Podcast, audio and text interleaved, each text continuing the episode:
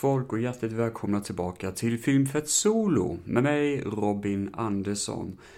Idag så ska jag avhandla lite övergivna byggnader, eller ja, eh, temat kanske är mer traditionellt övergivet, skulle jag nog säga. Jag spelade faktiskt in ett avsnitt tidigare, då jag försökte spela in det här, men jag var ganska off när jag gjorde det. Så då tänkte jag att, vad fan, jag spelar in det här igen. Um, nu är jag däremot tagit bort typ all data jag skrivit ner och information och trivia bakom de här filmerna. Så jag får väl försöka gå efter mitt minne. Inte så professionellt kanske, men eh, ja. Det är ju film för ett solo ni, ni lyssnar på trots allt, så det, det professionella slängs ju ut genom fönstret redan där. Um, jag tänkte vi drar igång direkt med en film från ja, 2004 skulle man säga, 2005 kanske, däromkring. Um, som utspelar sig i ett övergivet tunnelbanesystem. Filmen heter Creep.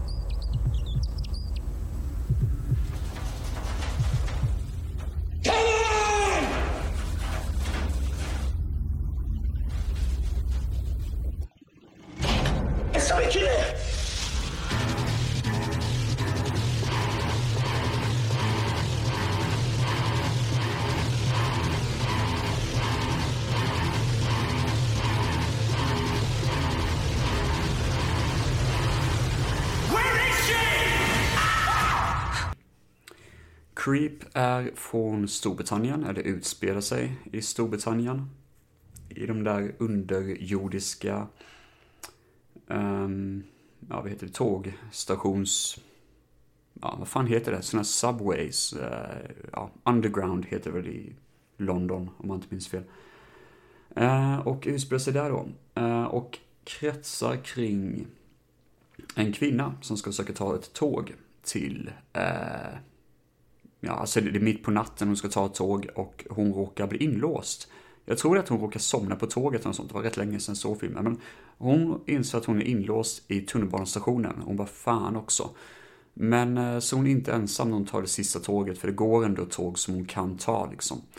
Um, och um, då visar det sig att en kille från den här festen hon var på, för hon har precis varit på en fest mitt i natten, om jag inte eh, redan har sagt det. Eh, och det är alltså ganska äckligt, en äcklig snubbe som typ försöker våldta henne och sånt. Och hon bara nej för fan, eh, get, out, get out of my way typ. Helt plötsligt så dyker han upp, inte så långt efteråt, när, och hon blir skiträdd och hon bara liksom vad fan, jag sa ju till att du skulle hålla dig borta ett jävla svin, jag ska fan slå skiten ur dig, typ. Um, men då är han skiträdd. Och så dör han. Det är någonting som drar bort honom från tunnel, alltså från tåget som typ har stannat. Um, och uh, hon jagas av något i tunnelbanesystemet, eller i både systemen i tunnelbanorna och i det övergivna tågstationen. Eller de här underground tågkorridorerna. Ehm, um, och um, Eh, springer på en uteliggare som typ också verkar veta om att det är någonting i det här systemet i, eh, på tåget. Eh, så att det finns någonting där. Och ja, det, det är ju konstigt. Det dyker upp lite kroppar lite här och var och allting är ganska fucked up och freaky. Um, sen får vi veta då när hon kommer längre och längre ner i underjorden, under underground tunnelbanestationen. För där hittar hon då att det är någon typ av varelse någon typ av nästan muterad, deformerad, skallig varelse som är vansinnigt sjuk i huvudet. Och att det är han då som jagar henne genom eh, hela filmen då. Um, Creep har ju samma titel som en annan film som utspelar sig inte tunnelbanestation, eh, men det utspelar sig, det är någon found footage-film som har fått väldigt bra eh, beröm också, men jag har faktiskt inte sett den. Och det är inte samma film som man inte råkar ta, eh, så att man inte råkar blanda ihop de filmerna. Det kan vara ganska lätt att göra det, men det är inte samma film. Kan man bra veta. Utan det här är en helt annan film, eh, Creep från 2005. Så ja, det är lite sådär, eh, lite lätt kanske att blanda ihop de titlarna. I alla fall, jag kanske summerar lite flummigt, men vem fan bryr sig om det? Eh, otroligt bra atmosfär, otroligt bra miljö. Jag gillar idén av att ha en underjordisk tunnelbanestation som är övergiven. Det är alltid creepy och freaky. Um, och det är någonting ganska obehagligt generellt med den miljön. Det påminner mig om den äckligaste miljön enligt mig i Silent Hill 3. Eh, tv-spelet där eh, den underjordisk tunnelbanestation som är helt övergiven på folk. Det är ganska fucked up om du frågar mig. Um, för det, jag vet inte vad det är, men det är någonting med de här ekande korridorerna som, där man vet att det ska vara liv och folk och rörelse, men det är ingenting där. Det tycker jag är ganska, ja det, det är fan läskigt alltså. Det, det är ödsligt och ensamt och isolerat. Um, och sen så har man de här underjordiska tunnlarna och sånt som är under underground tunnelbanestationerna. Och tunnlar och sånt är generellt rätt freaky också där faktiskt. Det är ju alltid äckligt och mysk och slem som rinner runt omkring och nästan lite sådär um, um, avloppssystemaktigt typ blir det lite grann över det. Och uh, sen finns det dolda rum också som är typ inredda med material och skit. Man bara tänker, vad fan är det som jobbar här nere liksom? Eh, uh, Sådana saker, så det är ganska freaky.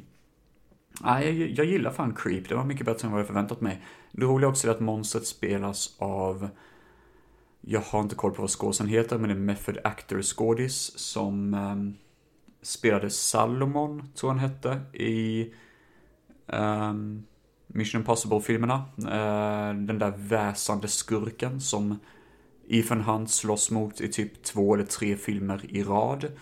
Uh, faktiskt en väldigt bra skurkprestation, tycker jag. Jag kommer inte ihåg vad skurkrollen heter, men han var med i den senaste Fallout i alla fall. Det var han som är huvudskurken där då.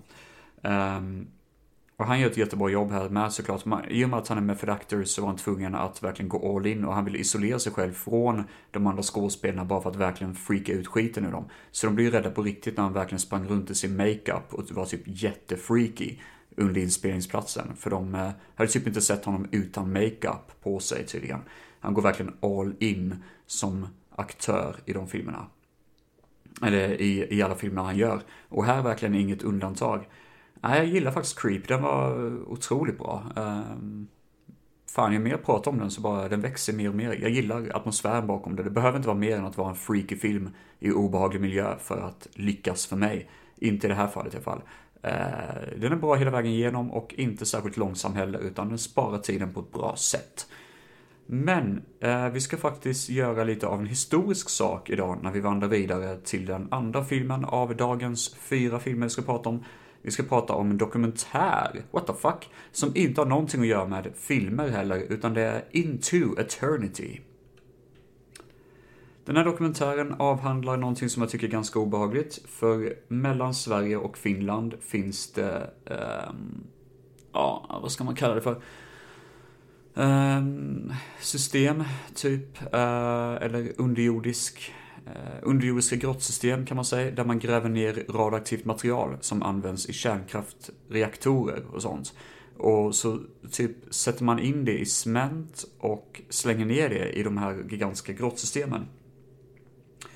Och där är det tänkt så att det här ska behållas i typ 100 000 år, tror jag det är. Eh, vilket är ganska fucked up. Så i den här dokumentären så säger typ alla forskare som håller på projektet att 100 000 år om man ser på vad vi är idag gentemot hur det var typ när dinosaurier levde. Ja, det kan fan inte vara hundratusen år, det måste vara mer än det. Men i alla fall, hur det ser ut idag gentemot när dinosaurier levde så eh, kan man säga det att när vi kan öppna upp de här grottsystemen och allt är okej okay igen och det radioaktiva materialet inte är, harmlö eller är harmlöst. Då kan vi säga så att det är en längre period tills dess än vad det är att kolla tillbaka till mm, eh, hur vi har det nu till förhållande till dinosauriernas tid. Det är ganska fucked up. Så jag tror det måste röra sig om typ 100 miljoner år, för 100 000, 100 000 år låter fan inte mycket. Um, och eh, då är deras idé med den här dokumentären att försöka göra någon typ av, uh, typ kommunikation, eh, sätta upp någon typ av kommunikation så att de varelserna som finns på jorden då, vid det tillfället, vet om att de inte ska öppna det här stället för det är farligt. Och vissa forskare som intervjuas i den här dokumentären, den är typ bara lite över en timme lång, eh, de är ju faktiskt skeptiska till att det här ens kommer funka. Och det är jag också, för de säger att människan har ju öppnat upp eh, Tutankhamons grav och typ Eh, pyramider och sånt utan att egentligen fatta vad fan det är de det, vad det är egentligen. Vi vet fortfarande inte riktigt hur det byggdes eller hur det gjordes. Det är intressant. Um, men i ärlighetens snabbt så ska jag väl säga att den här dokumentären, förutom att den är intressant, så är den jävligt långsam. Uh, den skulle mycket väl kunna vara 20 minuter lång. För den upprepar så mycket, det händer inte särskilt mycket som är nytt eller kul.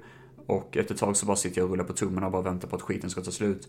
Så Into Eternity är en kul idé, den är rolig att se bara en gång i sitt liv, man behöver inte se om den. Um, men det, det, är såklart ett väldigt intressant och läskigt tema, men att göra en en timme lång dokumentär om det här, det är att gå lite för långt, anser jag. Men däremot är det kul med det här systemet för det utvecklas och grävs hela, hela tiden i underjorden. Tycker ni det här låter intressant? Absolut, kolla in dokumentären. Men jag kan säga så här att allt jag har sagt idag med den här recensionen på typ de här tre minuterna som har spelat in om Into Eternity. Det är mer intressant än vad dokumentären i sig faktiskt är. Så, eh, ja, det kan vara bra att ha som notis. Men eh, nu ska vi ha oss vidare till, eh, ta oss vidare till ytterligare ett övergivet ställe. Men till skillnad från Into Eternity som faktiskt är övergivet på det sättet att det skall vara övergivet så kan man väl säga det att Doom Asylum är övergivet på det, eh, på det sättet att den borde vara övergiven för länge, länge sedan som film. Fy fan vad dålig film. Doom Asylum är härnäst.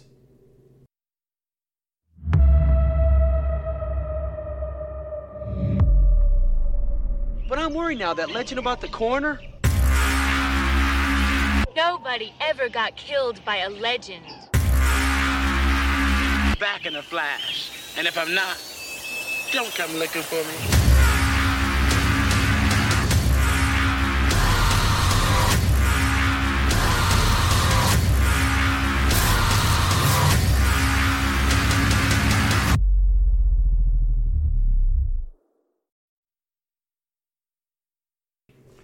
Ja, herre jävlar. Oj, oj, oj, var börjar vi här någonstans då?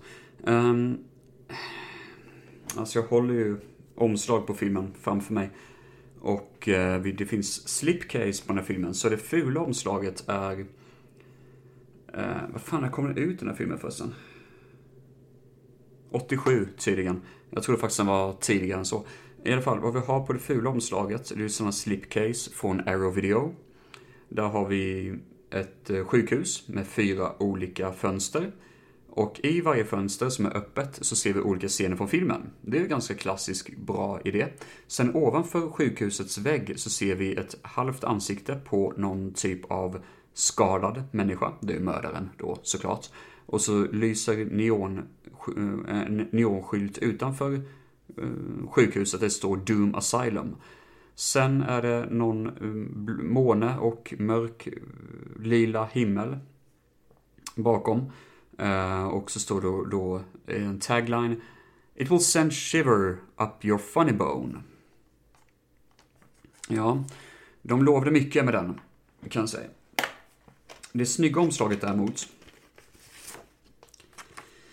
Uh, där har vi en um, Ja, ett slakterihus ser det ut som. Med eh, en massa benskelett och bitar som hänger på väggarna eh, bakom. Och så ser man bakom då att det är förspikade såna här eh, träplankor ovanför ett eh, fönster som har sådana såna här metalliska bars då. Såna här, så det är verkligen inhägnat deluxe. Och sen en kvinna som skriker när en deformerad man har en sån här kirurgsåg som han ska köra upp i ansiktet på henne. Och hennes ansikte reflekteras i sågen. Det här är ju ett jävligt vackert omslag och det är det som jag visste om när jag köpte filmen. Att det här kan ta mig fan vara otroligt värdelöst eller otroligt kul. Jag tror faktiskt jag snackat om den här filmen när jag köpte den på Kvarnvideo, för det var min sista sån här filmköp, gigantiska filmköp jag gjorde. I alla fall, vad har jag mer för kul att säga om omslaget? Ja, ah, just det, här har vi en tagline också. Um, laughing, slashing is a snicker, slather with a smirk. Okej. Okay. Det var den bra omslaget, men den visar jag inte på filmens omslag, utan jag har fram det fula omslaget, för det visar lite mer kvaliteten bakom filmens ja, kvalitet och därmed det starka eh, situationstecken. Um, den här filmen då. Um, vänta lite, jag ska se, jag har faktiskt anteckningar på den. Jag ska bara hämta min anteckningsbok, en sekund. Ja, um, det är en öppningsscen då vi ser två stycken sån här jippies, ni vet antiteten till, eller eh, tvärtom vad hippies var. Det är sådana som typ kör fancy bilar som skit. Ja, ni vet nog säkert vad jippies är för någonting. Eh, det är två stycken jappis, de kör eh, på en väg och råkar ut för en bilolycka. Och ehm, de är lite grann av asshole characters, de är lite sviniga av sig. Den ena mannen, eller ja, mannen i det här paret, Mitch Hansen, är eh, deformerad av ans i ansiktet över hela kroppen typ. Och han ligger på sån här obduktionsbänk och ska obduceras. Eh, men vaknar upp helt plötsligt och dödar folk och flyr till sinnessjukhuset som ligger i närheten. Som har varit eh, typ nedlagt jättelänge. Och jag tror faktiskt att det var dit han körde när bilen krockade. Av någon konstig anledning, jag vet faktiskt inte varför han körde dit, men skitsamma. Um, och eh, då så ser vi några ungdomar, flera år senare, som kommer till den här platsen då där olyckan hände. För att en av dem som är ungdomarna, det var ju hennes mamma som dog. Och eh, det är så tragiskt och sådär liksom.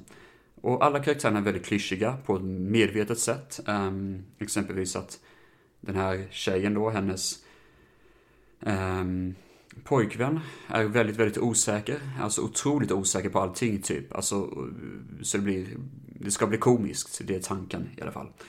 Um, så han är en medveten klyscha Um, de kommer till det här uh, ja, sinnessjukhuset och eh, det är ett kommunistiskt rockpunkband som heter Tina and the Vetots som spelar kommunistisk rockmusik, eller punkmusik.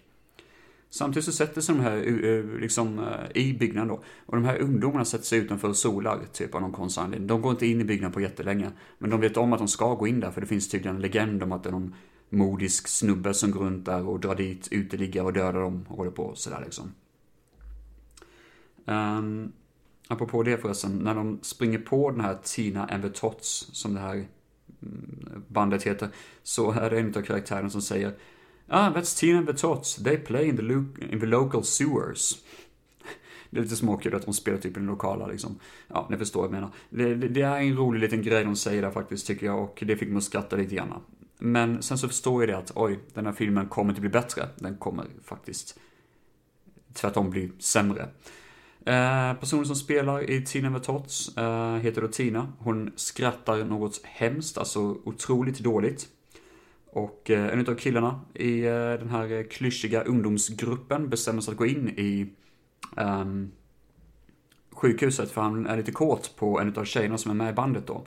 Och tänker att ja, hon är mörk och det är jag också, så hon vill jag ju ha liksom så. Ja, ja jättekul. Uh, och han går in och uh, så är det typ som att en klo ni vet en sån här gripklo som man använder för att plocka upp smuts på golvet och sånt. En sån klo åker in, alltså typ greppar tag om hans huvud bakifrån. Och det är ju mördaren som står där och har den här gripklon. Och typ krossar hans skalle. Det bara rinner massa blod på marken. Jag fattar inte. Alltså det här är en vanlig gripklo. Den är inte ens spetsig. Hade den ens varit spetsig så finns det inget tryck i världen som kan trycka igenom en persons huvud. Det är så jävla fult gjort. Och det, det är liksom bara att, det är bara låtsasblod och det det, är inte ens fiffigt gjort. Jag vet att jag till och med beskriver det bättre än vad det faktiskt ser ut att vara. Det är, fy fan vad jag mådde dåligt när jag såg den scenen. För jag bara tänkte, det här är ju för fan ren skit. Helvete vad fult det var. Eh, mördaren eh, traskar runt typ i sinnessjukhusets, eh, liksom, eh, vad heter det? Eh, eh, inte kloaker men, eh, mm, eh ja, underground, alltså källare typ och eh, sätter sig och kollar på någon svartvit film i källaren. Han har ett litet rum där.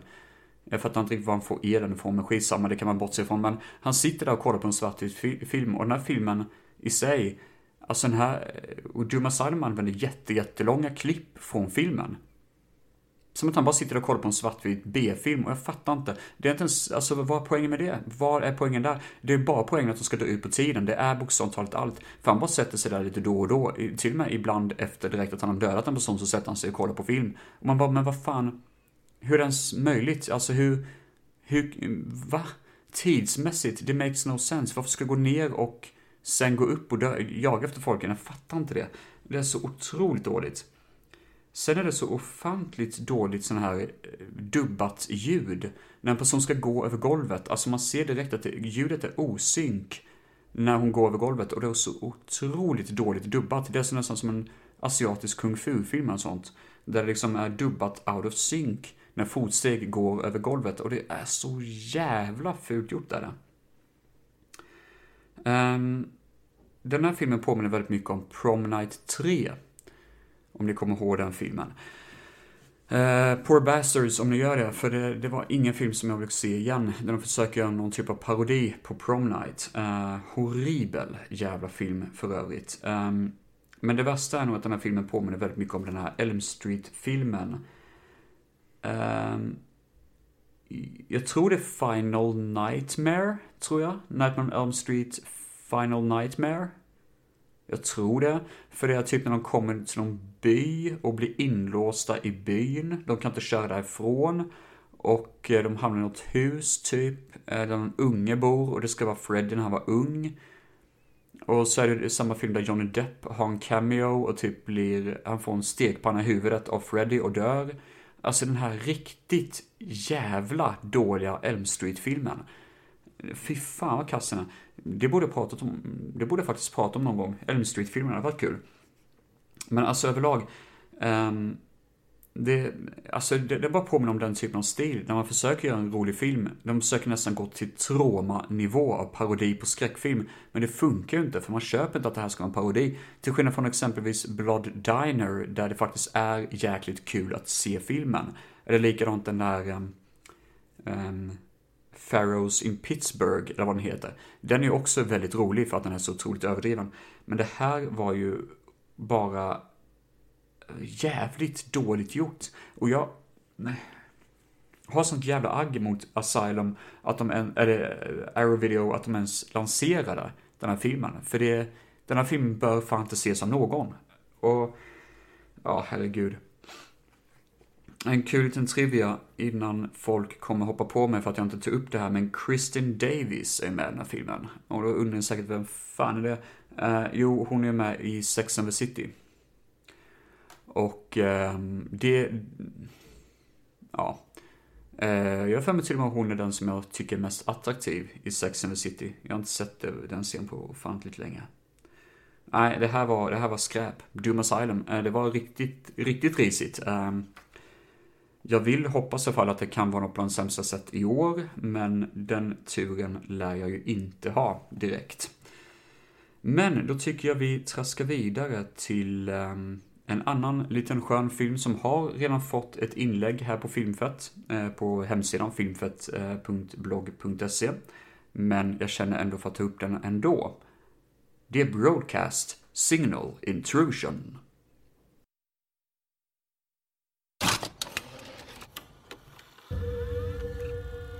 Responsible for last night's act of video piracy. These video pirates managed to briefly override broadcasts that The incident is now under investigation by the FCC.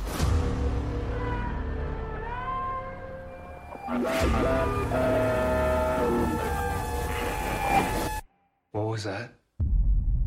That is no concern of yours. What do you know about this? The Sally Sparks incident? Only the creepiest unsolved mystery hack of all time? 15 years later, and they still never caught the hackers who pulled it off. Broadcast intrusions are a rare cultural phenomenon. In both intrusions, a woman went missing just prior to the signal being hijacked. Why are you so curious about this? I need to know why. You are out of your depth, my friend. Do you think there's a pattern? Do you think the tapes are trying to tell you something? They are. You're not gonna find it, though. For some reason, this person wanted to say something to the world, and he chose this medium to do it. Did you hear it? It's Morse code. Say someone did hide a message in those tapes. Do you really want to be the guy to figure out what that means? James, we need to leave.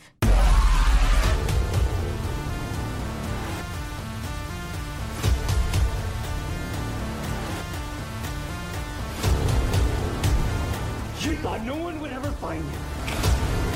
But I found you. It gets under your skin, doesn't it?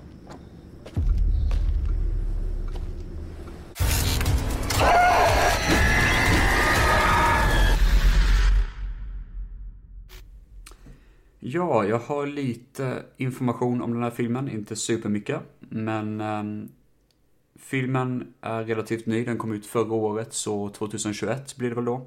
Och jag hyrde den faktiskt på uh, YouTube, så det går att hyra den där. Det kan vara bra tips.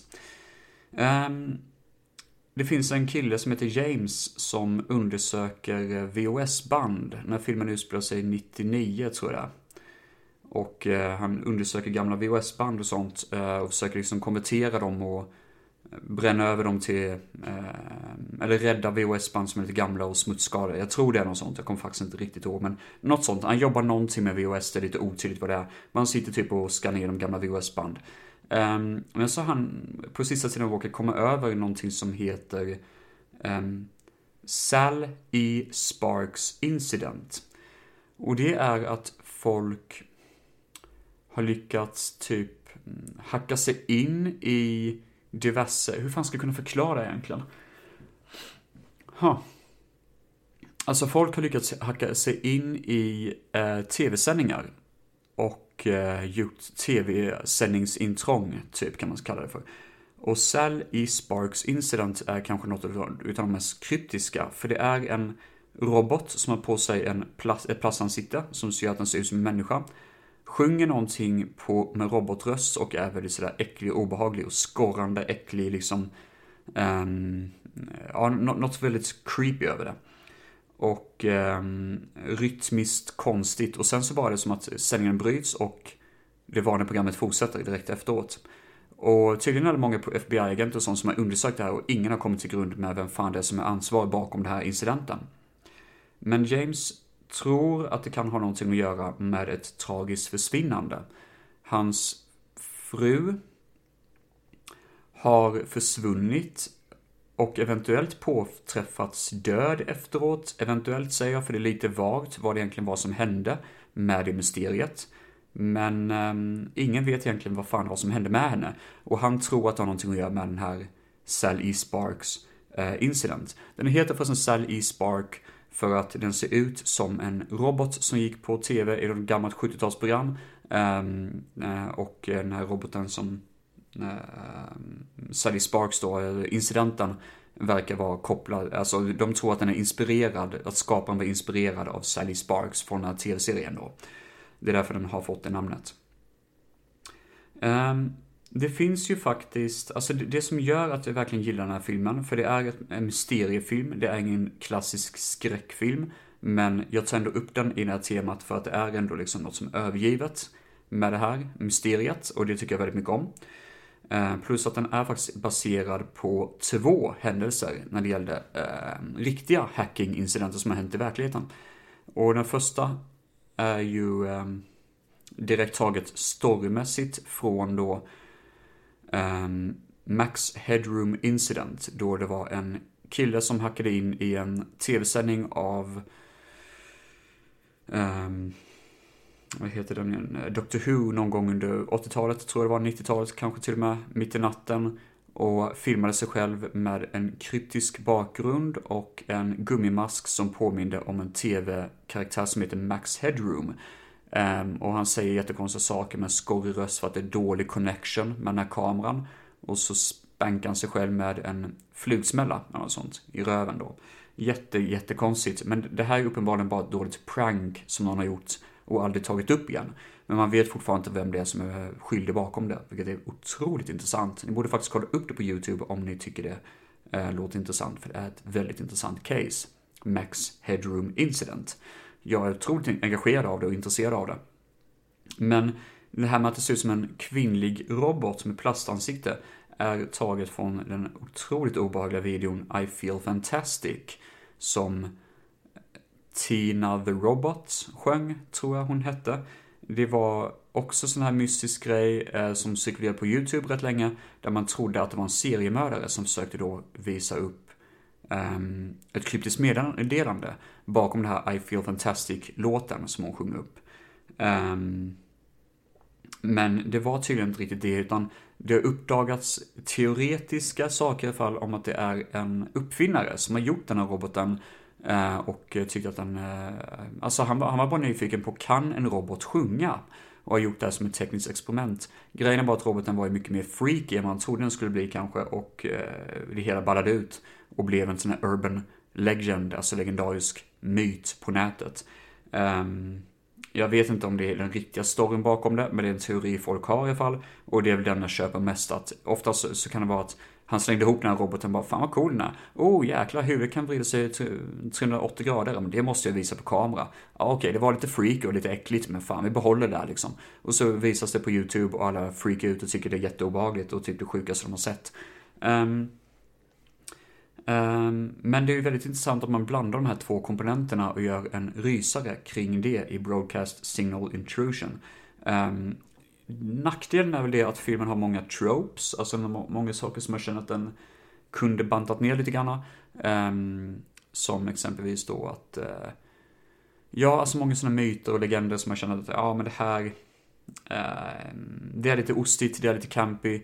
Vi har sett det här förr, liksom att man använder samma material återigen som man brukar göra i sina mysteriefilmer. Man för ett visst bevis till en viss mystisk sak och den leder till nästa mystiska sak. Och sen när själva upplösningen kommer så bara, men vad fan, jag får inte riktigt det här att pusslas ihop ordentligt. Och det kan vara ett problem för mig. Men jag tycker ändå helheten på Broadcasting och Intrusion är tillräckligt intressant för att jag ska bli engagerad av filmen. Så jag rekommenderar den, garanterat. Ja, men då, mina damer och herrar och icke-binära människor. Eh, jag hoppas att ni har tyckt om dagens avsnitt. Det var väldigt kul att spela in faktiskt, ska jag väl säga. Eh, det var kanske ganska kort, men ni får ta det för vad det är och jag beklagar att det inte kom ut i tid till halloween, men ni vet hur livet är. Saker kommer alltid i vägen. Eh, plus engagemanget är kanske inte på topp ibland. Så är livet. Ni får ha det så hjärtligt bra. Hör av er till sociala medier på Filmfett eh, Solo.